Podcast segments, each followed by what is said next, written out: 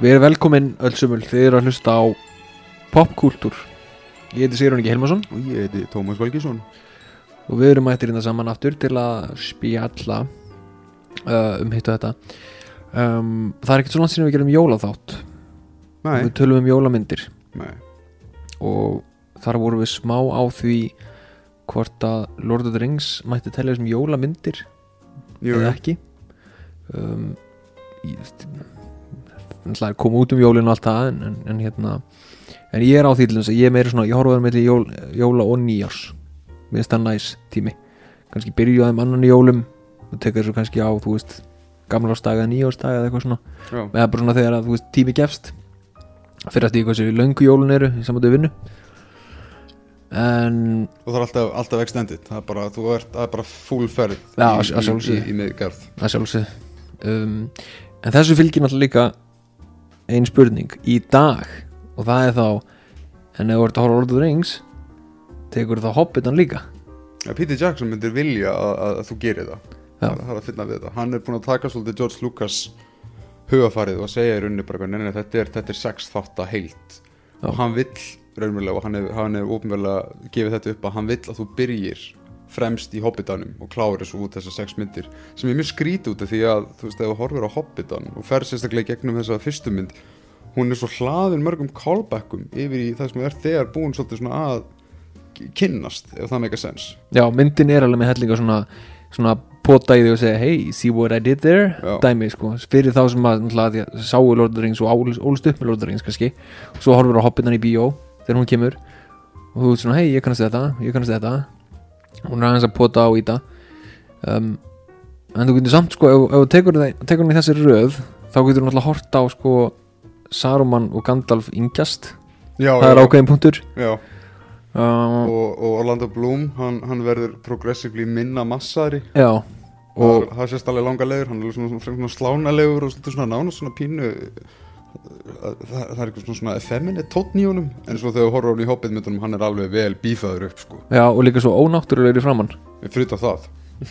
En þá líka getur þú hort sko á þá myndu hugsa að þú veist eða þegar horfður á Lord of the Rings er að segja þá hugsa skilu, hvað var það með hann ofurmann sem Legolas var, já, já, okkur já, hætti hann allt í hennu bara að vera bara supermann já, en ég fyrir mitt leiti verði að- verð ég að segja sko, ég horfi ekki á Hobbitan nei, ég mér langar ekki að horfa á Hobbitan og ég er ekki að fara að horfa á Hobbitan nei, ég skil það vel.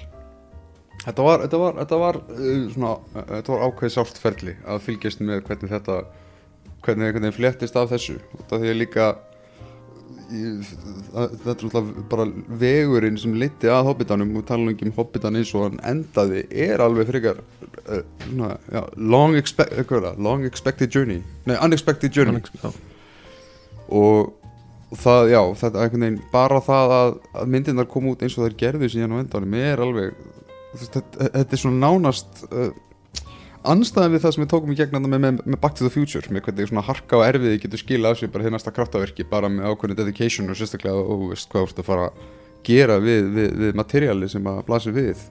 En í tilfelli Hobbitans er þetta meira bara svona að þú finnur fyrir einhvers konar svona bransapólitík á skjánum líka við sko. Og, og, og líka bara nánast áþreifanlegt að það er og hv- hversu mikill munur er á milli áhugans sem Peter Jackson dældi í upprunalega þrýlíkin versus þennan nýja.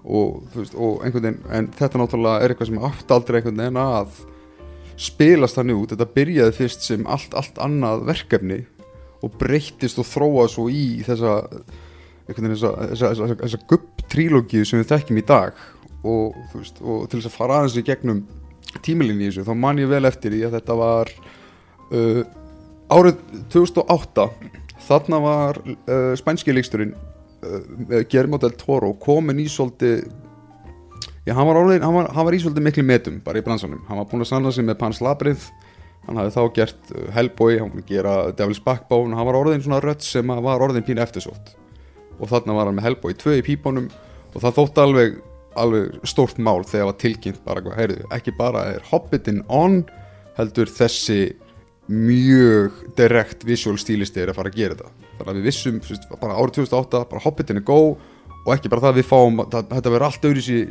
stílsnið heldur en Lord of the Rings stílingurinn var sem er alltaf góður hlutur vegna þess að þetta eru ger ólíkar bækur.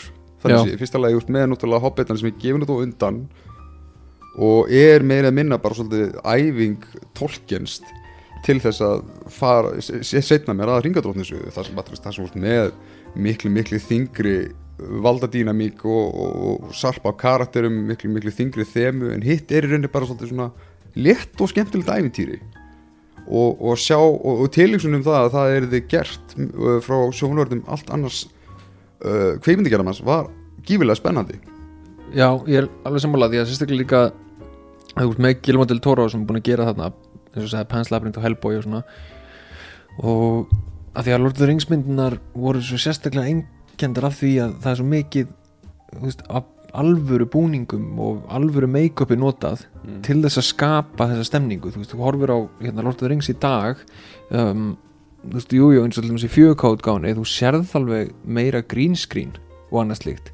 En það er svona tækni sem að kannski, þú veist, er alveg mjög sjálfsagt að eldist miða við að hún var gerð fyrir 20 árum síðan þú veist, þú horfir á það að þú ert ekki eitthvað Nei, meira bara svona ég skild alveg, fullkomlega, þetta er ekki þú veist Mortal Kombat Annihilation dæmið sko.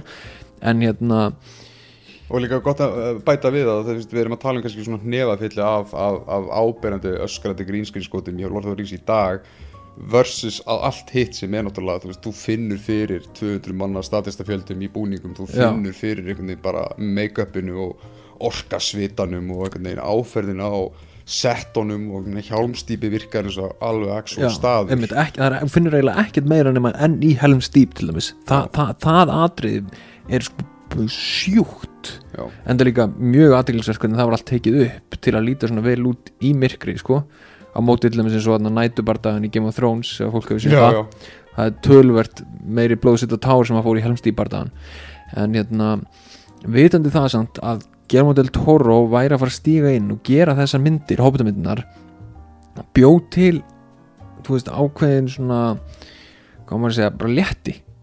Að vita það að þetta yrði minna tækni brellu, þú veist, vitleysa að þarna væri maður sem að er basically búin að byggja upp fyrirlin sinna á því að vera með alvöru búninga alvöru make-up og búa til skrýmsli sem er alveg frekar ógeðsleg, sérstaklega eins og í Pans Labyrinth. Ég er líka bara alveg, alveg, alveg passion í hönnunni ofar öllu, þú veist, meðan að þú horfir á Del Toro hefur sjálfur sagt að hann vil aldrei leggja í, í neina kvikmynd á þess að það fylgi einhvers staðar, minnst eitt skrýmsli á callsheetinu, þar sem hann segir að, þannig að það þarf alltaf að vera og hann er, hann er líka svolítið, það er ákveðin Tim Burtonismi í honum að því leitin til að hann, hann hún finnst alltaf gaman að sína uh, skeppnunni eða skrýmslinu gæslega bara samúð. Þú veist, af hverju er ljóta skrýmslið vondikallin mm. uh, skrýmslið kaus aldrei að líta svona út það er einhvern veginn uh, þú veist, það er bara aðri sem að, sem að trýta eins og sér ljótt. Hann, hann hefur alltaf rosalega skemmtilega samúð með, með skrýmslunum og hönnun er eitthvað sem er honum bara mjög miklu forgangi. Þannig að já, það, það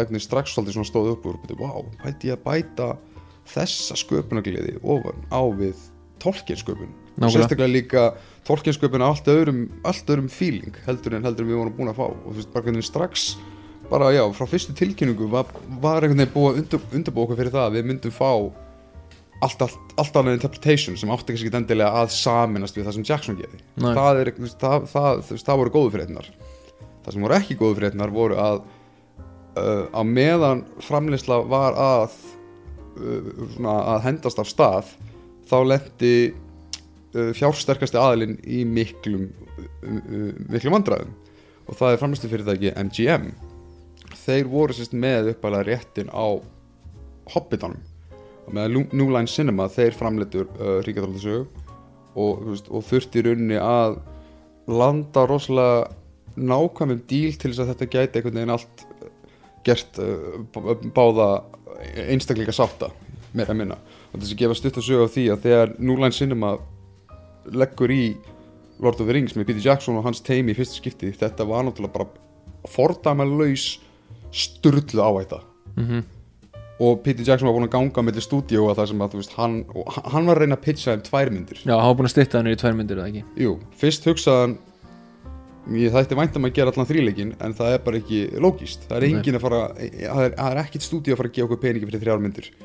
Og þannig að hann þjappaði saman handritunum fyrir alla þrjár og eiginlega bara svolítið svona lobbyja þetta á milli, milli stúdíu og, og hvert af eftir öðru sagði nei. Ef það er eitthvað stúdíu sem var að fara að býta á það var það Miramax og það var sérst ég Weinstein bræðra. Og, og, og Harvey Weinstein uh, samkvæmt sögum var tilbúin til að segja já, ég er til í að taka upp þetta verkefni en þá þarf, þá þarf þetta að vera ein mynd. Já, mitt og, það, og að mér skilst þá var Line Cinema í rauninni síðasta stráið bara síðasti möguleikin og, og Peter Jackson hans teimi feð bara á einhvern uh, gigantískan pitchfund og segir bara svona viljum við gera myndina við viljum gera í Nýja Sjálandi við ætlum að nota uh, ætlum, mikið af settum rosalega mikið af bara svona heimagerðum taktæl búningum og, og teimir fara að gera þetta og þetta og brellurnar verða svona. Og þá var það uh, framlegandi núlæn eftir pitchfundin sem ég skilst að samkvæmt þessu sem hafi gefið um rosalega svona scary vibe og þeir svona byttu eins og Jackson lýsur þessu og mjög erfitt að lesa í herbyrgið bara byttu, voru við að pressa hann eða er, er hann eitthvað erum við bara að sofa tíman manns og þá kemur einn framlegandi núlæn og segir af hverju anskotanum mynd- myndi einhver gera tvær myndir úr ringadróttinsögu og þá skilur kannski bara heyrt í nál falla. Mm og kemur hann þetta eru þrjármyndir þú fær þrjármyndir og þá bara page one rewrite holy shit við fáum að gera þetta bara frá grunni endur strúftum þetta allt saman. Og þú veist þessi saga einu sér stílar á bara býtu wow þannig er sérst í rauninni náttúrulega fyrir þetta það að hugsa í, í, í, í samíkin í dag bara já, auðvitað vill, stúdíu fleiri eindög frek, frekar en færri að fá peningagróð að gera. En þegar Lord of the Rings var framleitt engin vissi hvort þetta myndi virka. Nei, líka þar var ekki komin þessi rosalegi, rosaleg, rosaleg tíska að segja bara, heyrðu við ætlum að gera fimm myndir uh, þó að við vitum ekki hvort að fyrsta myndin muni greiða pening. Og við ætlum bara að gefa út alla titlana fyrirfram og dagsendingar og þetta er bara fimm mynda seria Jöp. þarna var bara, þú veist, heyrðu við gerum eina ef hún gengur vel, þá mögulega hendum við í framhald. Meira að segja fantasíu gerin eins og legacy var ekkert í góðu standi á þessum árum. Nei, meina, við vorum ekki komni með Harry Potter til þess að sína þetta, væri náttúrulega í rauninni fyrsta á Lord of the Rings myndur og Harry Potter sem kom út á sama árunu uh, bara svipuðu leiti þarna undir lokina 2001 það sem að maður bara fann í loftinu að bara genre það væri loksins tekið meira alvarlega heldur en Hollywood var í rauninni meira meira þekkt fyrir. En þarna náttúrulega bara kom af stað mjög, mjög bara mikil þursa framleiðsla það sem að bara blóðsviti tár og Sepplis og nætur og allt bara hjá Jackson og bara kílóin farin á hann gegn, út árin fyrir það bara að vaða í þennan þríleik eins og hann var. Og þú veist, maður spyr sér hvort að ákveð ákveð svona ákveðin örvænting spil inn í það að þurfa einhvern veginn að gefa sér meira fram sem síðan bersýnilega sást minna af þegar kemur að hobbita þríleiknum en til þess að spóla aftur tilbaka yfir í tímbili þegar Del Toro var sérst ráðinn og þá bara áttu að taka við sér framleysla nema þá kemur þessi hængur. MGM er bara alveg syndandi í skuldum. Já, þeir áttu að vera í dag. Ennþá í dag, já, já, nefnilega. Og mér er sér búin að vera með, með fullt af uppbóðum til þess að bjóða í katalógi þeirra. Það hefur ekki ennþá, ekki ennþá virkað þannig að mögulega, veitum við ekki, kannski er kannski Bond ennþá í, í limbói en á þessum tíma allavega þá átti sérst, MGM réttin á Hobbitanum. En líka átti Harvey Weinstein réttin á Hobbitanum sem hann hafði einhvern veginn hann hafði útbúið einhvern díl með þeim þannig að til þess að búa til þá samstarf fyrir þá nýja þríleikin sem var, væri þá framleitur af MGM uh, Warner sem var nýbúið að leggja undir sér Núlæn þetta Núlæn Cinema fór líka hausinn og var síðan tekið undir Warner. Bara löngsaða stutt, þetta er rosalega mikið af einstaklingum sem þurfti allir að henda sinn pening inn í, inn í þessa köku sem tók alveg heljarina tíma bara til að reyna að geta fyrsta lagi komið einhverju framlist á stað. Og þegar Del Toro er ráðinn þá var reiknað með að fyrsta myndin af tveimur Hobbita-myndum kæmi í bíó 2010 Jólin 2010 setni myndin 2011 Já, sér það. Hvenær var Lord of the Rings 2006 síðasta myndir sínd þrjú. 2003 Já. Já, hún var svona snemma. Byrjaði alveg sko 96-97 framlistan á þessu öllu. Já. og það var til þess að þetta væri þrjár myndir og pre-production tók náttúrulega gífurlegan tíma. En þarna myndaðist bara limbo tímabil. Að meðan allir voru í býja eftir peningum frá MGM og í rauninni einhvers konar lausnum á þessum samningsatrum þarna var Del Toro bara veist fastur for, á forvillistíðinu með sína mynd og var alltaf bara olmur að býða eftir að komast í tökur. Svo frestaðist það alltaf og frestaðist það alltaf. Og leiti svo til þess að hann þurfti að setja önnu verkefni sem hann var búin að, vera ráðin í. Þau þurfti að það þurfti að endur semja þau og þau fóru á pásu og þau fóru á byð Og gott innskottur þá sem ekki vita er að Guillermo del Toro er auðvitað ofvirkasti á pappír maðurinn í Hollywood. Nennilega. Hann er alltaf með svona sex verkefni í framlýslu Já, og, og, og endalega öflugur handriðsöndur maður fær það ekki, veist, það, þetta er distinction út frá því að skoða uh, uh, titlan hans. En veist, hann, hann er alltaf með eitthvað í vinslu hann er alltaf með eitthvað sem að hann reyna að koma á stað og gengur ekki og, og í rauninni er hann, heppin þegar hann næra að fá eitthvað sem að virkilega er fjármagnar frá tröðu og lendir ekki í limbói. Ég held að sé öruglega til það kemur ekki óvart eða verður til sér Wikipedia sé um bara óframleitu Del já, og en það er ekki formlega síðan gefið grænt ljós á framleiðsluna á The Hobbit fyrir en fyrir part 2010 Já. og það er þá eiginlega orðið og seint vegna að þá er Del Toro nýfarin hann sagði bara nei, það býður mér önnu verkefni þetta er sárt, þetta er erfitt ég verð bara að, að, að slíta mig frá þessu, það er bara hans commitment var bara ekki að bjóða upp á þetta, það var bara það var líktulega verið að draga hann á snærum vegna þess að ég meina gæðin þarf að vinna líka sko Já, fyrir það, og hann var líka bara, já, hann, veist, og, og þetta var ekki eitthvað sem hann sagði bara eitthvað svona, já, nei, bara ég nenni ekki að býja eftir þessu, bara fokki ykkur. Hann hefur alveg sagt í viðtölum að þetta er bara, þú veist, hann var, hann var eitthvað spurður, já, ég meina, veist, það voru liðin einhver ár, hann bara, já, hvernig hérna líðið svo með hobbitan og þetta, hann sagði, ég sko, að bara það að spyrja með þessa spurningu, þetta er einhvern veginn eins og að ég væri nýbúin að missa kona mín í slisi og þú spyrir mig hvernig hún dó. einmitt þetta, bara, þetta, þetta, var, þetta var mjög viðkvæm, viðkvæmum punktum fyrir hann en svo gerist þetta mitt loksins ná fyrirtækin og aðilandin að dansa saman og segja bara ok, fine Weinstein þið fá x mik mikla prósentu af fyrstu myndinni.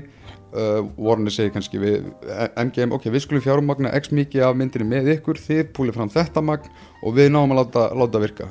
Vandinni sá, við erum ekki með leikstjóra.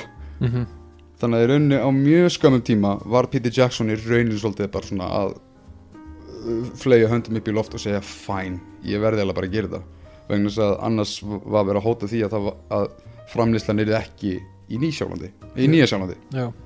Og þá basically lág á borðinu það ekki bara öll undirbúningsvinna frá Guillermo del Toro sem að Peter Jackson alltaf, þú veist líka vel við en hann var ekki að fara að vinna með þetta af því að þú veist, þetta var ekki hans stíl Já, hann sagði bara bókstæli, ég er ekki fyrir að gera myndina hans. Nei, þetta er eins og bara eins og hérna eins og Picasso ætti að fara að mála Van Gogh verk Já, þú veist, sem væri búið að undirbúa og það bara, heyri, þú voru að klára þetta því að þú ert líka góður listamæður já, og bara, nei, ég er ekki ég mála ekki eins og hann.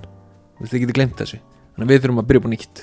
Já og þarna var ekki bóði að, að kaldanislega var núna ekki bóði að, að, að, að fresta meira. Nei, núna var bara, þú veist, ok, það þarf að vera það, það þarf að byrja að skjóta bara eftir hvað, held ég, hvað var, fjóri mánuði til hálft ár. Já, þannig að Peter Jackson þurftu bara, já, byrja upp á nýtt endur skrifa í rauninni handritið frá grunni fyrir þá það sem voru tvær hobbitmyndir og undirbúið þetta algjörlega með sínum stíl og meira minna samt með sama leikarahópi Martin Freeman var ráðinn í, í, í, í Del Toro útgáfuna.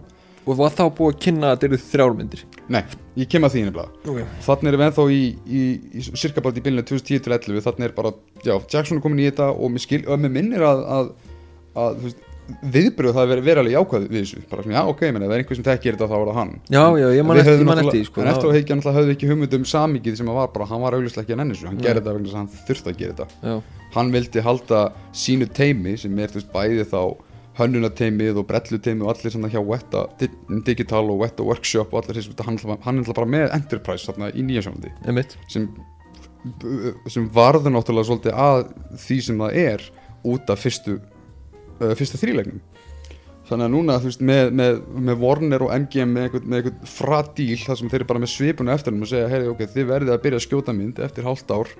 Annars erum við bara að fara að fara eitthvað annað. Meina, við, bara, við þurfum bara nokkra grínskrína og við getum verið þess vegna bara í bakgarunum í, í, í Kaliforníu.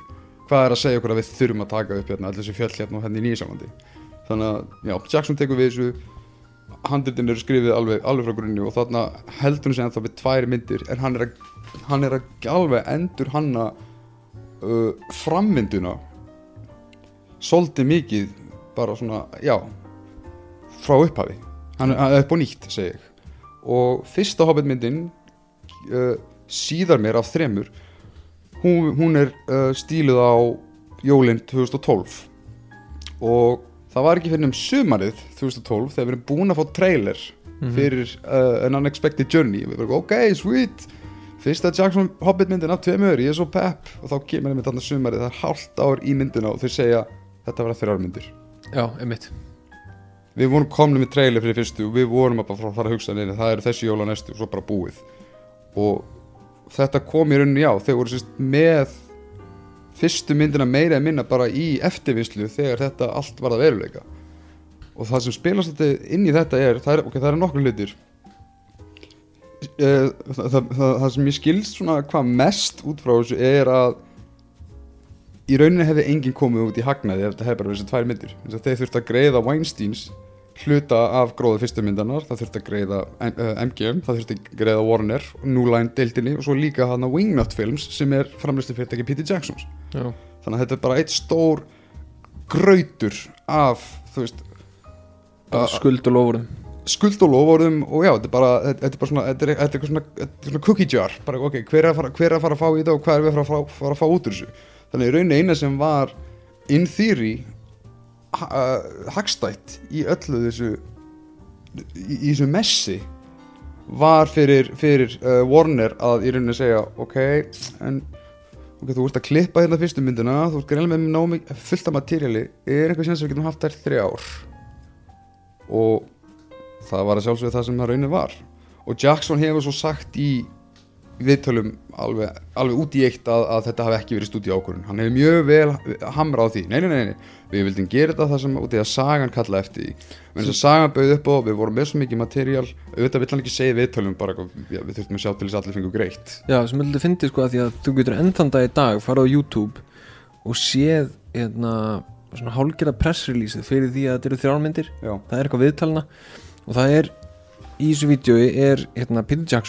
og svo er einhverju hliðin á honum frá Warner eða einhverju fyrirtæki.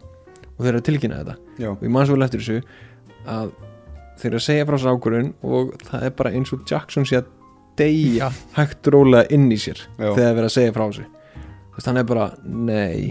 Þú veist, oh, að því að hann að sjálfsögðu vissan þetta en þetta var bara svona, ok, við erum, við erum actually að segja þetta upp átt núna.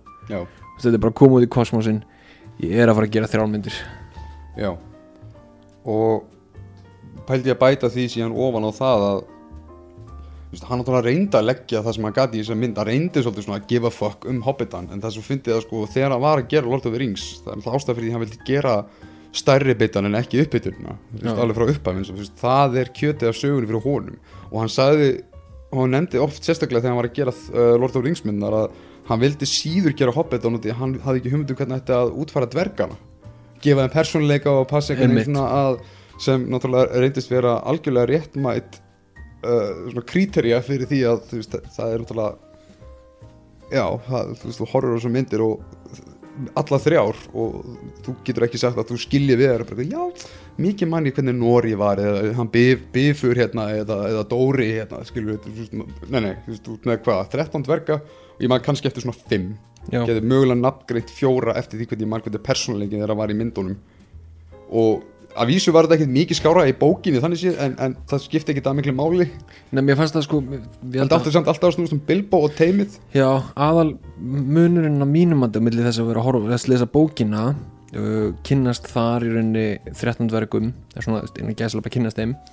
Og myndina er að bókin er að leggja náttúrulega svo miklu meira persónusköpun upp á að þú fáir að kynnast Bilbo því að mynd, bókin er skrifið út frá sjónaröndi Bilbo. Akkurat. Bókin er bara, hvað, 200 blasir eða eitthvað Þú veist, þetta er bara þroska sagan hans og það er alveg vel veist, gefið til kynna að þessi dvergar þeir eru bara auka þú veist, þeir eru bara þarna, þeir eru bara fylgjónum. Þetta er bara hópurinn og hann Já. er, kom, hann er einn á hópnum og Hobbita sagan eins og hún leggur sig er eiginlega meira að minna um karakter sem er vanur ákveðnu þægindaramma sem finnur síðan mjög skyndilega nýtt eða, og er alltaf uppgötva ný level af, af því sem í honum býr. Það er rauninni bara það sem Hobbitin snýstum bara, bara mjög góð, góðu móral fyrir, fyrir barnaæfintýri og þetta er með, veist, þetta er bók sem heitir The Hobbit og er aftur, þú veist, hún er bara 200 blasir eða svo, 200-300 Já. og, en þegar þú ert að fara að gera sko þrjár, tveggja og háls tíma bíómyndir þá grefur ákveðna hólu af væntingum um að þú sért líka að fara að flesja út aðeins dvergana þú veist, þú getur er bara eiginlega allt ekki í rauninni sko. Já, þú getur ekki sagt, heyrðu, við erum búin að búa til hérna 7-8 klukkutíma efni uh, eftir þessu 7-8 klukkutíma þá myndu samt sem aður möguna jafn mikið eftir dvergunum og þú gerðir þegar þú varst búin að lesa bókina Já. þar er að mínum að þetta allavega stæðsti munurinn þú veist, þú, bara það, dvergunum var klúðrað en það hefði líka verið erfitt að setja á áskjáin eins og hann nefndi að því að það er náttúrulega engin sögutræður eða persónuleiki um þær í bókinni sko. Nei, og það er kannski eitt líka sem er gott að nefna sem er að þó svo að Hobbita-bókin sé þetta stutt þá er hún líka svolítið skrifið svolítið, svolítið hún, er mjög brött. Er, þú veist, ef, ef eitthvað, hún er, hún er, hún er nánast of, of hröð eða þú veist að skoða hann í samingi einhverja, einhverja dýftar mm og þú veist, mér að allt þetta sem að hobbitarnir og dvergarnir fari í gegnum þú veist, þetta er svolítið, þú veist, þú getur alveg leift þessu að anda í, í, í, í kvikmynd sko. ég veit ekki endilega hvort að þrjármyndir hefði verið það sem þurfti til þess en, en Jackson finnst allavega það er réttlega þannig, bara svona, já, ég meina þú veist, þetta er, það er ein, það er ein setning hérna sem segir, já, þeir voru í hobbitúni og næsta setning sem segir, já, þeir voru laður á stað hvað gerist þarna á milli? Hann er svolítið í því að skoða það en það sem ég finnst að síður rættum í samingi efnisins eins og Jackson Madrid síðan þessa sögu, þessa barnabók er að þegar Del Toro ætlaði að gera tvær myndir og ég, já, ég, ég komst ekki að þessu fyrir bara svona tiltúlega nýlega uppæðlega var alltaf svolítið mikið spurningamerki með hvernig hefðu hans myndir verið hefðu báða Del Toro myndar verið bara hobbitin í tvennu lægi eða var eitthvað annað í spilunum og eftir því sem ég náði eiginlega svona mest að, að sanga að mér í hvað upplýsingar og, og baksisögu var að er að Del Toro vildi rauninni gera eina risamynd sem var meira minna stærri hlutin á Hobbitanum já, sem leiði svo yfir í aðra mynd sem er hún er kannski svona að rappa upp Hobbita meira minna en er líka svolítið auka. Hvort sem það eru tengipunktar við, við aðra aspekta í sögunni eða meira með svolítið svona þetta sem við fórum inn í uh, þetta fanservice ég er ekki alveg viss, ég veit bara að hann vildi allavega gera svolítið meira minna Hobbit svo í rauninni Del Toro Tolkien myndinu sína svolítið. Já, já, en svo þegar Jackson tekur þetta að sér frá grunni þá náttúrulega kemur ok, nei, ég ætla að segja Hobbitan í tvennulagi sem síðan mér var þá í þrennulagi og og, og með, hérna, með, með við sögurnar hans þá átti í rauninni uh, fyrsta myndin af tveimur að enda rétt eftir að þeir eru búin að sleppa þarna úr hvað var það ekki hérna, var það Rivendell sem við fórum til? Nei, hérna úr tunnunum. Hvar voru þá? Nei, nei, þá voru þeir, þeir nýkonur úr myrkaskóginum uh, uh, teknir af álfunum sleppa síðan þaðan það í- kemur þetta barrel chase. Já fara í goblin hellin hana já, það, það er undan því, svo fara að hitta Bart og já, svo, svo kolla kolli og í rauninni eftir flottan þarna á ánni þá mæta þeir þarna þessari mystísku fígúri sem er þarna nei það er Bart, ég er að hugsa um Beorn Beorn er strax eftir eftir hérna Goblin Hellin en allavega þú veist í rauninni þá já rétt áður en við förum yfir í þetta Lake Town setting þarna átti fyrsta myndin að enda. Þarna Já. þannig að fólk hefur svona einhverju smá hugmynd um það og það sem þetta í rauninni þýðir er að þegar þau voru sagt, búin að taka svo ákveðum að bæta við heila aukamynd er að þá þarf að hefja það ferli að kjöta upp heila miðjumynd Einmitt. sem þeir rauninni höfðu ekki þannig að The Hobbit, The Desolation of Smaug sem kom úr 2013 hún er meira að minna tjöslu saman úr endurtökum og reshoots og í rauninni sögum þess þá í rauninni bitnaði mér svipað ferli á veist og þegar horfur á þær allar saman þetta, þetta, er alveg hlægilega þund smurt vegna þess að þú veist í gegnum sér reshoots þá komu auka skipanir stúdíóna sem er ok, er fyrst þú allar að bæta við myndina og kjötunni perðu, hvað með að gefa hérna þessari ok, uh, álfinum hérna, Táriel getur ekki gefið henni rómansplott? Svona fyrst er að fitta myndina. Uh, meira Legolas, fólk fíla Legolas. Minna dvergum, getur, þeir ekki bara allir leiðilir þannig að þú veist, þú sér hvernig þetta sapnaðist upp og þú veist, um, þú tala um myndefni af Jackson að degi í sér mér líður einhvern veginn meira að minna og meir hlutan af behind the scenes efninu af Hobbitanum eins og leggur sig sé bara visual ferli af honum að bara missa eitthvað inn í sér. Já, honum og fleirum sko. Já, 100% allt þetta teimi og allir, allir voru bara á deadlineinu og þegar þú skoðar mynd myndirnar, jú, ég meina, þú, þú sér peningin á skjánum, þú sér, það er sjónaspilið þú ert með þetta high fantasy element þú ert með búningana en eitthvað er ekki alveg samt að smetla og þú veist, það er ekki bara það að þeir, þeir vildu frekar gera hlutina meiri tölvi heldur en að vera að pína sig í útitökum. Vegna þess að þú veist, það er bara Jackson er einhvern veginn hattum bara að sannfæra sig um það að hmm, ok, jú, við getum farðað og, og, og búið til okkar hérna 200 orka á setti en við getum líka bara gert þetta í tölvu.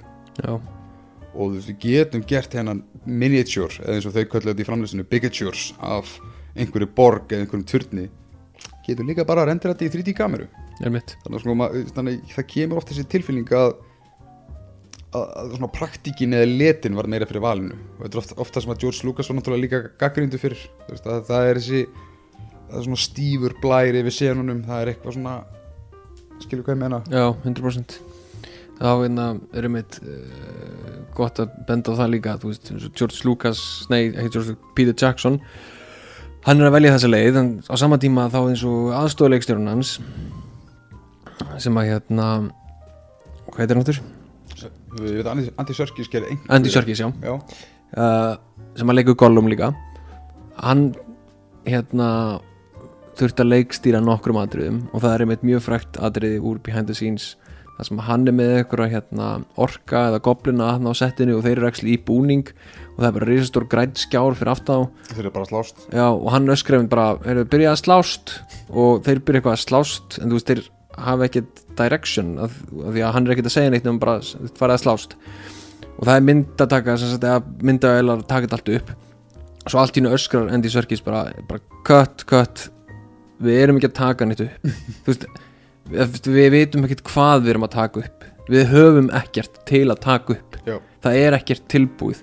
Slökkuð á myndaðalunum og hann snýsir við og horfir í þú veist hann að behind the scenes myndaðalunum og er bara, "Tjú, þetta kjaftaði já, og svo náttúrulega annað atrið sem að hérna, margir vitur og glöfum að það var náttúrulega frækt þegar að Ian McKellen brotnaði niður á settinu alveg og fór að gráta Já. hangandi í búri hangandi í búri. Já, var, þetta var hann þegar hann var í búrinu þegar hann var fangaður í búrinu. já, sérst, núna, og tækni var orðin þetta góð að, að með, á meðan sérst, þeir notuðu svo mikið það sem kallast force perspective við gerð uh, Lord, Lord of the Rings þar sem, þar sem þú ert með uh, eitt leikara ábrendi, ekki ábrendi heldur hann er stiltur upp framar og svo bara þeir sem er að leika smáfólki þeir eru bara í, í bakgrunnum. Oftast var ég með kellin að leika í senum að móti Elijah Wood þar sem þurfti sérstaklega að mappa og plana út hvar sjónlínan væri til þess að lita út eins og þeir væri í sama spacei en svo þegar kemur að hobbitunum þá er Weta-deildin bara búin að græja þetta alltaf bara, nei, nei, nei, við erum, við erum með bestu lausnina.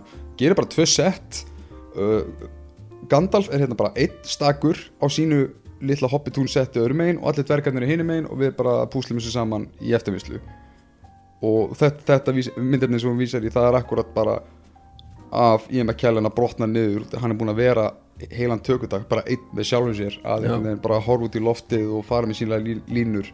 Og þú finnur bara einhvern og það er ekkert í kringum hann, það er bara grænt. bara grænt og veist, uh, leifar af veggjum þar sem að hobbitún er að einhver staðar. Og, og þarna finnur bara fyrir bara svona, svona listamannin degi einhvern veginn í honum. Þannig að þetta er ekki þetta er ekki ástæðan okkur ég fór í leiklist. Ég, ég verð að geta bánsa af einhverjum öðrum. Ég verð að geta einhver þarf að gefa mér eitthvað tilbaka. Því er ekki bara að vera veist, markerar og cues hérna og svo bara eitthvað digital kjafta að redda þessu.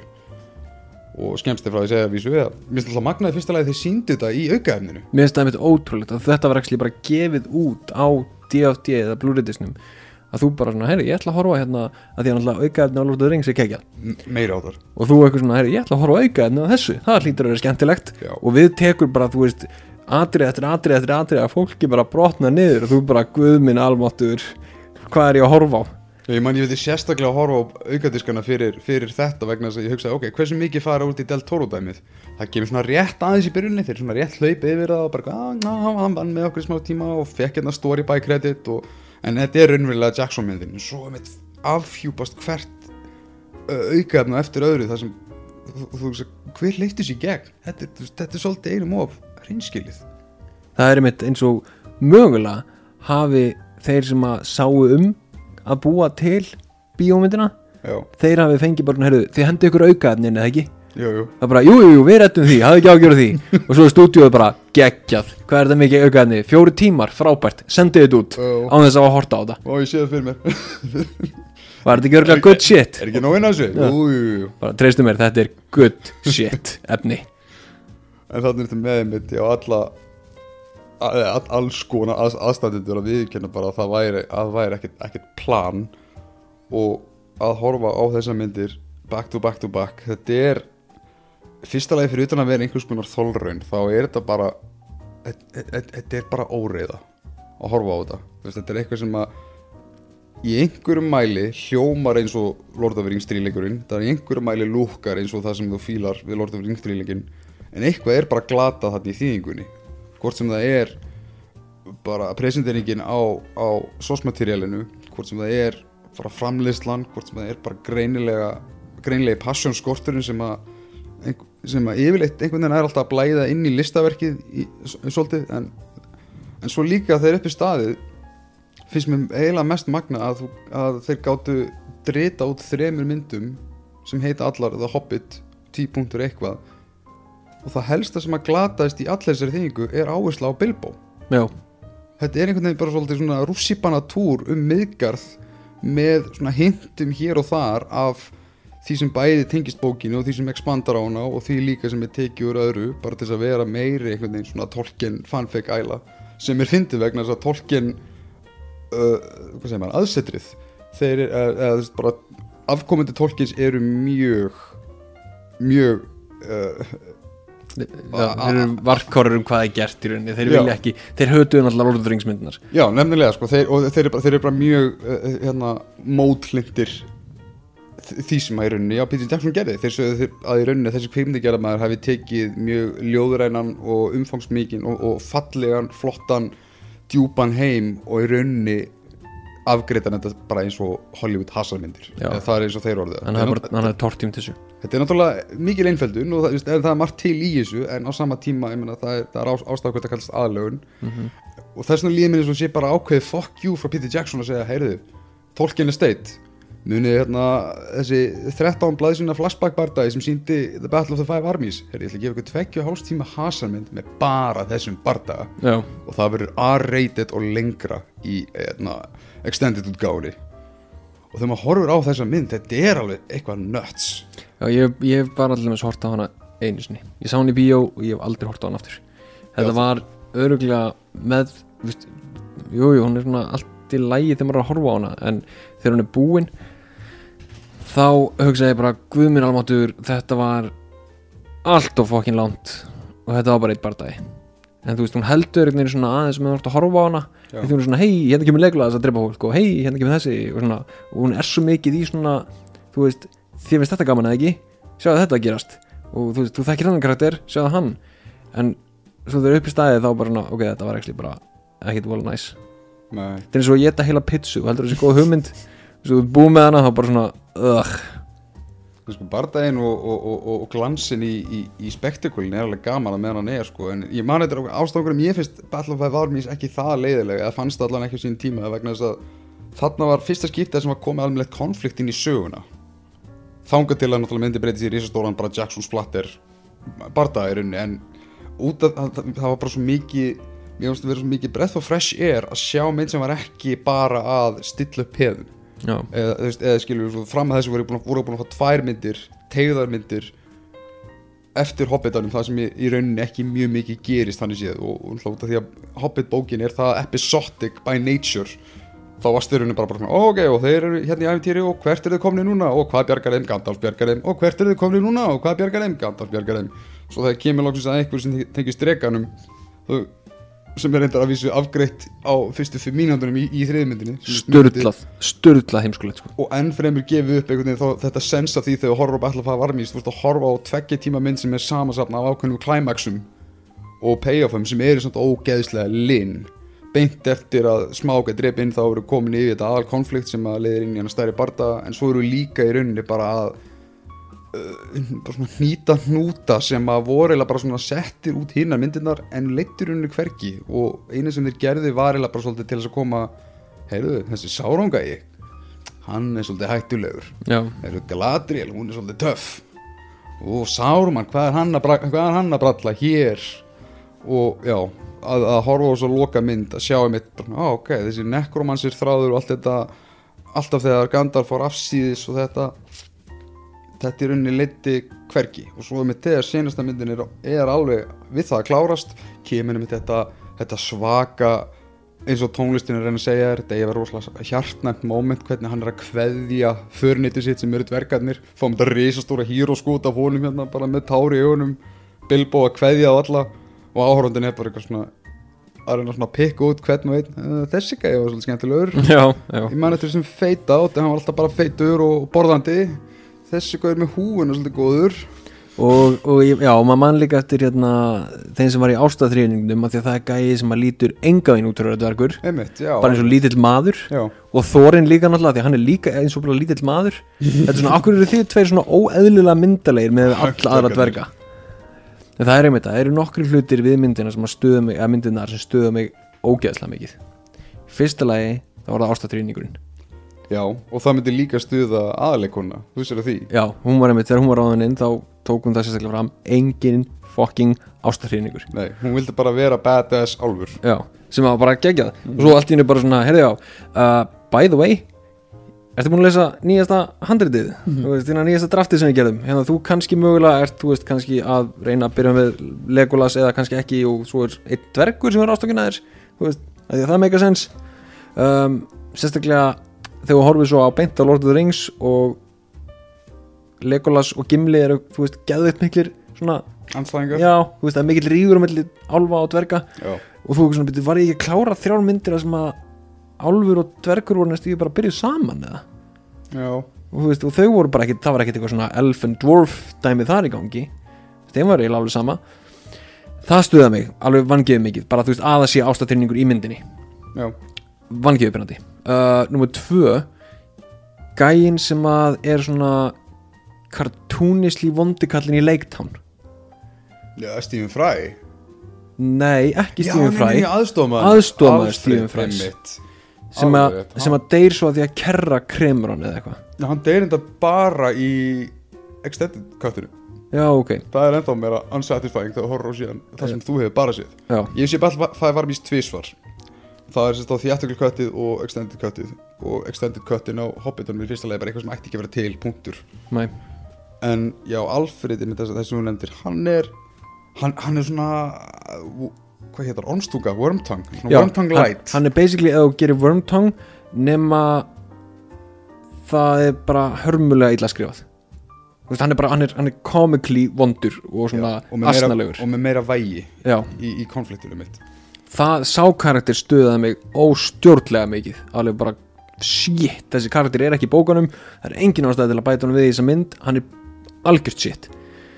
Um, þriðalagi það að þeir hafi verið að gera þrjár myndir sem eru, þú veist, hvað, 7-8 tíma samtals uh, þú gerir eina sem heitir The Desolation of Smaug. Síðasti hálftíminn er, þú veist, Smaug hérna, spjallið milli Bilbo og, og Smaug og svo hérna, eldingaleikurinn sem hann er að elda dvergan eitthvað um. Það sem þeir eru uh, eldvarnir. Já, nákvæmlega, og geta bara ekki dáið af því að plottið leifið ekki. Og svo endar myndin á því að Smaug kemur og þú veist, byrjar að brenna leiktann. Og þú bara, ok, Nú, enda myndina á ömulegum cliffhanger það sem, sem allt bendir til þess að, að hann sé að fara að brenna leiktán og þú ekki svona, ok augljóslega ætla er þá aðeins að flesja þetta út Aha. í næstu mynd. Við erum greinilega að fara að byrja third act myndin okkar á þú veist third act konfliktina Já. það verður 20 til 30 mynda bardagi hérna við dregan sko, það er, það er augljóslega. Og með tilliti þess að það er búið að stilla upp Bart sem er leikin af uh, hvað heit ekki, Luke, Luke Evans. Gæði, með bógan sem í rauninni kom bara eins og kallaður í bókinni. Hann var engin karakter í bókinni í rauninni. Hann var bara einn af, einn af townsfólkinu sem að Já, sem, að, bara, sem, sem að reddaði málum. Og þannig að með tilliti þess að það er búið að stilla upp ekki bara þessum Bart karakter heldur fjölskyldun hans og umkörun hans og antagonistunum í kringum hans hvort sem það er þessi illi bæjastjóri og hans uh, lakki þarna sem að, einmitt, já, er, er afsláttar wormtongue með tilliti til alls þess svipað úr að tala um hvernig eru þá að fara inn í þriðju myndina? Já, þú veist Drekinn hvað, deyr á fyrstu 5 minúturum já, og þá fáum við titilinn. Þá fáum við titilinn. The Battle of Five Armies og maður bara situr hann það bara ha, what? Sérstaklega sko mjög fljótt afgreitt. Já, að þetta pyrraði mig líka ennþá meira að því að hérna, við skulum ekki glemma því að Battle of Five Armies sem á sér stað í bókinni hann endar mjög snemma að því að Bilbo rótast. Já, og að því að myndin er sögð frá sjónurandi Bilbos þá endar bara daginn þar. Mm þú veist, bara aðalkarakterinn hann er knocked out þannig að þið þurfum ekkert að vita meira um hann bara við, fáum, við fáum smá sögustund. Ég man ekki hvort það veri Gandalf eða Thorin sem gaf hann það. Jú, ég ætla frekar að giska á Gandalf. En í rauninni er ekki þú, veist, þú ert ekki með epic scope barda í bókinni. Nei, en við fáum þarna þessar upplýsingar um að sem að drekin er að fara að Lake Town þannig að ég settist niður og hugsa ok, við erum örglega að fara að fá helmingin eða svona kannski 30-40 mínútur af drekabardaganum svo uppsetningu fyrir hérna bardagan og svo fáum við líklegast allan bardagan veist, að því þetta er heilmynd. En nei. Við fengum 5 minúndar bardag af dregan og titilskot og svo hvað? Tvo tíma af CGI bardaga. Við fáum uppbygginga sem risabarta í rauninni sem er piprað inn á milli uh, allt þetta sem að ég get bara líst sem fanfictionið sem er, ekki gleyma þarna sinna sem þurft að, fyrsta lagi þurftur að bjarga Gandalf. Það var þarna partur af cliffhangerum í síðustu mynd. Ó nei, hann er komin í, þannig er hann í búri. Já, hann er í búrið. Já, og þá þarf að, þá þarf að byrja næstu mynd á það að Galadriel og Saruman og, og hérna, Elrond þurfa að koma að bjarga honum. Og þú veist, allt útlitt fyrir að það sé að fara að stefna einhvern í, í sögurþrann en þetta er bara svipa og gert með smákbardaðan strax í byrjuninni. Þetta er mjög fljótt afgreitt. Já, þetta er bara afgreitt. Þau Bara- koma hann bara "Ah!" koma, bjarga Gandalf, ó, ó, ó, nei, ú, ó, Saruman ú, og Saraman líka Svo- svona svo- komikli svona ættu við samt að gera þetta? Já, ættu við að bjarga honum? Leave Sauron to me já, svona við það er þú vondur að nei, ég er ekki, ég bara, ég bara segi þetta ég segi svona, hvað, ekki dæma mig. En stýttur útgáðan er í rauninni svo að, að allt þetta sett upp fyrir þennan, hennan Jumbo bardaði sem ég síðan fáum er í rauninni zoomað upp með uh, Alfred er leiðilegur Thorin er með einhver að drega gullveiki nei, hann er með einhver svona, einhver svona hann, er, hann er komið peningagræðgina. Já, innsetturinn, já, ringveikina og svo man ég að í rauninni stór hluta af myndinni gengur út á það að Bilbo er að reyna sína að hann skipti máli í sögurþræðinum já og Legolas bókstaflega já, og Legolas fer gegn lögmálum hérna þingdalapsins akkurat, já. Með því að hoppa upp dettandi steina já, oi að því að mannstu, hann er svo léttur sko, hann Já. lappar á snjó. já, þannig að þú veist, hann getur að sjálfsögðu hoppað upp dettandi steina það eins og það sé bara stíi var ógeðslega vond með þér ég held samt að það er ekkit jafn vond í, í öllum þessum myndum og þegar þú finnur fyrir hvata myndarinnar sem, ég, sem mér líður eins og eigi að vera stúdíónótur. Ef ekki þá voru það bara Jackson að, að, að prequela yfir sig. Það sem að hann, hann þarf að enda myndin á svo miklum uppstillingu fyrir næsta þríleik sem er með Jæja Legolas, fyrst að þessi barda er afstæðin nú vil ég að þú farir í skóin hérna og finnur upp, eldur upp einhvern sem kallar sig uh, Strider. Já, og svona, ok ái. Og, og já og, og, og fleiri svona moment sem eru ég, ég skil. En, ok, sorry, meikar það samt eitthvað sens? Að því að hittast þeir ekki í fyrsta skipti í hérna uh, hvað heitir þetta það sem Elrond er, uh, Rivendell. Rivendell, Ég- hittast þeir ekki þar í fyrsta skipti ég var einmitt að pæla í því vegna þess að það er sérstaklega gefið upp að Hobbitin gerist 60 árum ef ekki 80 ég ætla ekki að freka 60, mér minni það. 60 árum á undan Ringadróttinsu það sem hún byrjar. Það er sérstaklega gefið upp í Hobbita þríleiknum að glóin er með mynd af gimla á barsaldri í, einhver, einhverju, í einhverju svona festi sem hann er með og ef að það er raunin og vegna þess að það er síðar gefið upp í Ringadróttinsu að Aragorn er 87 ára. Þannig að já, er, er Legolas bara að fara að vera þetta þá er hann líklegast að fara að finna tvítugan Aragorn. Já, og þeir eru bara að fara að mynda eitthvað bond þarna þangað til að í rauninni er kallað eftir þeim eitthvað enn fremur. Já, nema það að þú veist í Lord of the Rings myndunum við erum alltaf að fara í, í mjög við erum komin á mesta nördisma umræði hérna. Og þetta er extended þú kannum sérstaklega tekið fram, minnur það? Nei, nei, bara að pikka í þessi litlu smáatriði sko. en þú veist, Nefnilega, ef maður á að taka báða þríleikana sem, sem fl flatt fakt þá er þetta svolítið undir Jackson komið að passa að þeir séu vel smurðir já. alla leið. En sko, af því að þeir hittast þarna í Elrond nei, í- hérna í, í Rivendell, sorry og þeir eru svona, þú veist, Aragorn svona ég veit hver þú ert, þú veist. Legolas, ég veit hver þú ert Gimli og ég veit, ég veit hver allir þinn eru en það er ekkert svona eins og þeir séu svona hei, gaman að segja þig aftur. Og líka ef að Legolas You son of a bitch. Já, you, you son of a bitch. En ef að þú veist, þeir eru að hittast þannig aftur uh, og hafa hist áður er þá verið að segja okkur að í lokin á Five Armies þegar Legolas fær það mission að finna Strider þá er okkur svona, að því að millur er ekki það stórt þá er svona leggur hann á stað finnur tvítugan Aragorn og er svona, hæ? Aragorn eitthvað, sæl pappi bað mér um að finna, mig, finna þig. Ok. Og ok, já ég veit ekki ég veit ekki okkur, sko, kannski sjástu setna ekki, þeirri, bara gangi ég vel félagi. Það er það eru 60 ár eftir. Það er ekki að gerast. Hi Arwen Já, þú veist Ekki bara allir ferskir eða?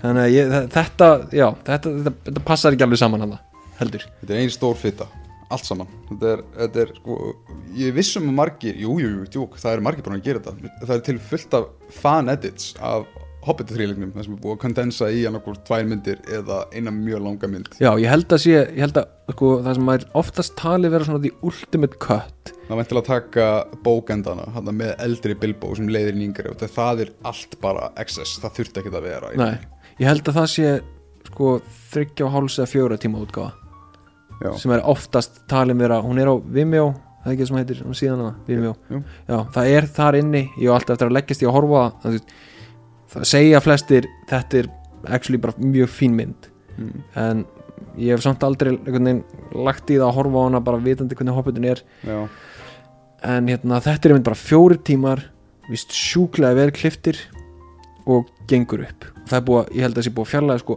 allan ástæðrýningin Legolas sérst ekki myndinni wow, og hérna, bardaginn er miklu miklu stittri já, og Bilbo þér líður eins og hún sé, hann sé actually persóna. Þú veist, þetta, hún, það, þeir náðu virkilega að skrapa svona hérna gott efni úr þessum þreim myndum sko. um, mér sé bara það að, að, að skera burt meirlutin af þessum tangentum sem er hjá Gandalf sko, þetta hann er alltaf að alltaf þegar þeir koma nýri staðsetningu yfirleitt þegar þú veist, rétt áður en að Bilbo og dvergarnir eru að stefnum sér lífsættu þá vil kemur Gandalf bara, ó, það, er verið að ringi mig, ég þarf að fara. Já, það er eitthvað að kalla á mig, hérna, þið, þið reddi ykkur bara þannig til að ég reddi ykkur.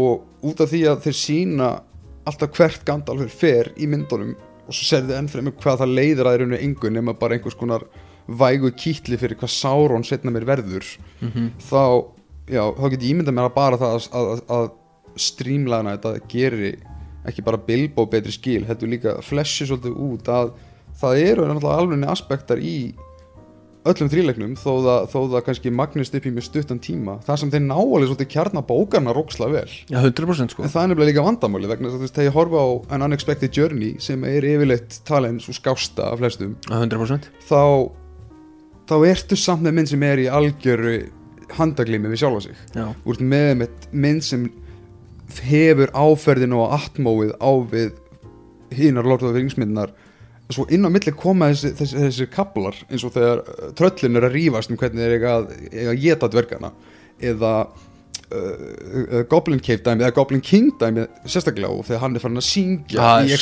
stórfurðulegt, cutinu sko. og þannig þetta er svona það, það er ekki alveg samstíga þess, þess, þessar nálganir þannig að finnur hvenar Jackson þurfti að halda sig við bókina og hvenar hann er að gera sitt dæmi. Og þú nefnilega út af því að það er svo mikil fita og svo mikið viðbætt kjaftaði og svo mikið verið að drolla almennt í þessari narratífu þá kemur það svo out of place þegar þú heyrir bara ósnertan tolkien dialog eins og þetta sem þú nefndir áðan samtalið við smák þetta er geðveik sena út af fyrir sig. Já, 100% og, og bara talandin í þeim, þú finnur alveg það er tolkienismin hann alveg út í gegn.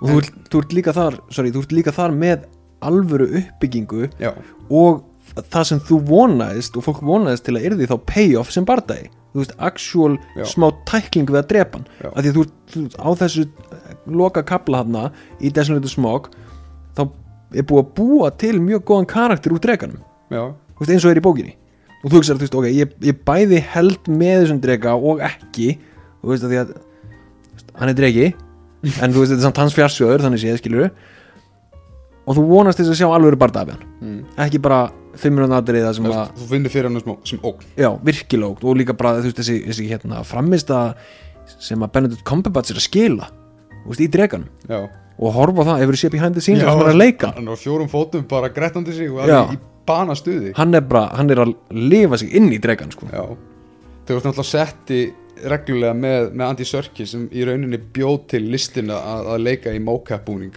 þá verður þú svolítið að taka þitt já, annað kemur bara einhvern veginn ekki til greina og sjá einmitt bara, það, það, það fer ekki millir mála, eða nánast mest allt behind the scenes efni á bakvið Hobbitan og allt einhvern veginn sem að snýra bæði framlýslu pólitíkinu og öllu, öllu sem fór í þessa ákvarnir er miklu, miklu aðteglisverðar heldur nokk tíman að horfa á þessa myndir. Vegna þess að ef að Bilbo saga virkar ekki á nýju fokking klukkutímum þá ertu að klúðra svolítið mikið. Vegna þess að Já. Martin Fríman er fullkomlega kastar í þetta hlutverk. 100% hann er algjörlega rétti maður til að leika Bilbo það er bara sagan eða hvernig, hvernig þeir eru að hátta framvöndunni leifur honum ekki að eiga sína sögu og mér finnst meira að segja ennþá bjánalegra og þetta er líka kannski merkjum það að þetta átti greinlega að vera tvær myndir og voru skotnar sem slíkar. Meira að segja þegar, Jackson var búin að taka yfir.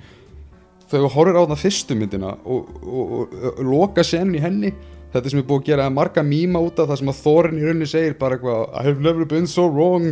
Hann er að taka Bilbo algjörlega í sátt í fyrstu sinni eftir að hafa ekki gert nefn að gefa hann hotnu og bara hvað ert að gera hérna? Þú ert bara, þú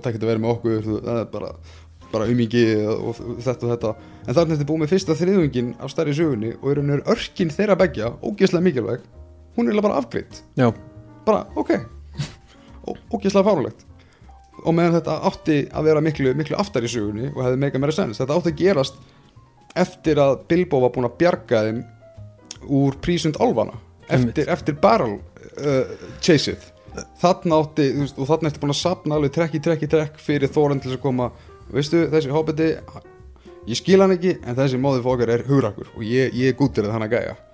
Og með því að gef, setja þessa senu undir lókina fyrstu myndinni og þar er fyrsta myndi svo einaðum sem virðist hafa einhvers konar örk þá ertu heila búin að ræna myndinni frá einhverju öðru til þess að segja upp á, á persónukonflikta upp á, rauninni já, stefnu og svo náttúrulega já, hjálpar ekki að Bilbo verður náttúrulega bara meira og meira einhvern veginn í bakgrunnum því, því ásum líður því við þurfum að tróða inn uh, romantíska blottinu, við þurfum að tróða inn uh, crowdpleaser momentum af Legolas að vera Legolas. Mm. og já og, og svo leiðir líka einhvern veginn enn en meira eftir það að, að, að út af öllum þessir reshoots þá fengur dvergarnir minna að gera heldur en uppalega stóð til. Jackson var alveg með plan að nota þessa dverga en svo bara þurfti að hliður öllu til einhvern veginn. Þannig að þetta, er rosaleg steipa að horfa á þetta Já, mér langar til að kíkja þegar maður hefur tíma kí, eða, þegar ekki þegar maður hefur tíma bara þegar maður vill actually gefa sér tíma í það. Að horfa á hérna þessu svona ultimate fan útgáfi Já, algjörlega, ég, ég, var, ég var ótrúlega til í það. Það eru til nokkrar en það er vist ein sem er svona, þú veist, einmitt, eins og ég segi, svona ultimate, veist, þessi er svona viðurkendast sem útgáfan svo hættur að horfa á. Að því að þú eru, eins og segir alveg þó nokkuð góð bilbómund í fyrstu myndinni, sem er náttúrulega ástæðan fyrir því að hún er svona mest sem ég líka bestu hana alveg 100% þú veist, út með þarna Bilbo í The Shire að vera bara, þú veist, hann með sína sína föstu hætti. Svo koma dvergarnir í mat og þeir syngja og þú veist, allt fyrir í óreiðu en þeir taka samt til eftir sig. Og svo ertu með hérna, þeir, þeir hann bjargaði hérna, og svo ertu með þeir hann bjargaði þeim aftur í hérna Goblin nei, minna Kungulóa bardaðanum hana. Já, það atrið, það er gott atrið það er næstu mynd, já. Það er í myndum með tvö. Já. já. Það er gott að treyja það er gott atrið og þú veist, að, að taka allt í burtu þarna á milli Já, virkar alveg ágætlega sko. þannig að ég væri alveg til að horfa á þetta. Ég kannski gefa þessi tími það það. Er, það er vist bara ykkur fjóru tímar. Já, en líka svo magnað þegar maður hugsa til þess að sko, útaf fyrir sig er ekkit að þessum senum hann í upphafi á fyrstu myndinni sem er hann í hobbitúni og dvergarnir eru bara að vera vera durtar í, í, í, í, því hvernig þeir eru hann að að trýta heimilið Bilbós. En svo er það í rauninu þá ekki fyrir en í rauninu að sagan er fann að rökkva í gang. Það sem að hobbitin sem heild byrjar að missa sig. Það er svona út frá þessum og hún nefnir þegar maður skoðar þetta þannig það meikar svolítið sens skilur hvað ég meina? Sem að hún, hún, hún næra að vera einhvern veginn svona stægilega afslöpuð og vera með einmitt þennan, rólega tólkinisma það sem að hún er bara svolítið að lefa okkur að kynnast fólkinu og lefa okkur að kynnast uh, þægindrama Bilbós áðurinn síðan er lagt í ævintýrið. En þá einmitt er einhvern veginn ekkert í það móðið. Um leiðu þeir eru komnir út fyrir The Shire þá fáum við Radagast og þá fáum við Necromancer og Já. þá fáum við uh, build-upið fyrir, fyrir, fyrir þessa Sauron-fíguru og þá fáum við fleiri baksugur og þá fáum við þetta hérna. Og þetta bara þetta, leysist allt upp, verður bara að nothing. Já, basically. Og þú veist það eru fáar, fáar myndir sem ég finnst leiðilegri til áhors heldur en að horfa á Desolation og Smog og ástæðan fyrir því er, er aðalega byggt inn í þessa ástasögu sem þú nefndir og ekki bara út af ástasögunni heldur þeir þurftu og eru að manufactura heilan klæmaks úr því að einhver orki sem þið byggu til fyrir þessar myndir vildi svo til að hann var með einhvern aðstofamann Sest, ég, ég er að hugsa um uh, hvað heit hann, já, Asok eitthvað, The Defiler já, orkin sem var með sverðhendi hana. já, hann var með aðstofamann sem er svo antagonistinn hérna í Desolation of Smog þegar þeir eru að ráðast inn á Lake Town og spennandi byggði kringu það hvort að Tauriel ná að, að lækna fíli og meðan þessi, öll þessi árás er og sama tíma eru dvergarnir hérna lengst upp í fjallinu að, að berjast út regan er hann að koma í veg fyrir að hann fari inn í bæinn. Og þetta er, þú, þú finnur bara fyrir kvik, uh, framleiðundunum bara svolítið svona reyna að tappa úrið til þess að fylla inn í lengdina. Já, það, það er óþálandi faktorum við þetta. Og líka bara fyrir það að jújú, jú, það eru moment og brelliskot í Lord of the Rings sem maður horfa í dag og hugsa, vá, ok, þetta er pínu dated, en ok, fine. En svo séri eins og leggur sig er samt mun, mun, eldist mun, mun betur heldur en Hobbitin 100% sko. ég held að við séum búin að segja allt sem að við getum sagt um þetta á þess að fara enda okkur. Um, hérna, þá vil ég samt bara minna á að þið hafið eitthvað til að leggja til umræðunar eða senda spurningar eða drull yfir okkur af því að þið elskið hobbitan að senda á hérna popkultúr at, nei, kveikmyndir at kveikmyndir.is kveikmyndir at kveikmyndir.is og hérna endilega hendu í subscribe á Spotify eða Apple Podcast eða hvað sem þið er að hlusta á það það hjálpar okkur mjög mikið. Og hérna var það þangað til næst maður. Já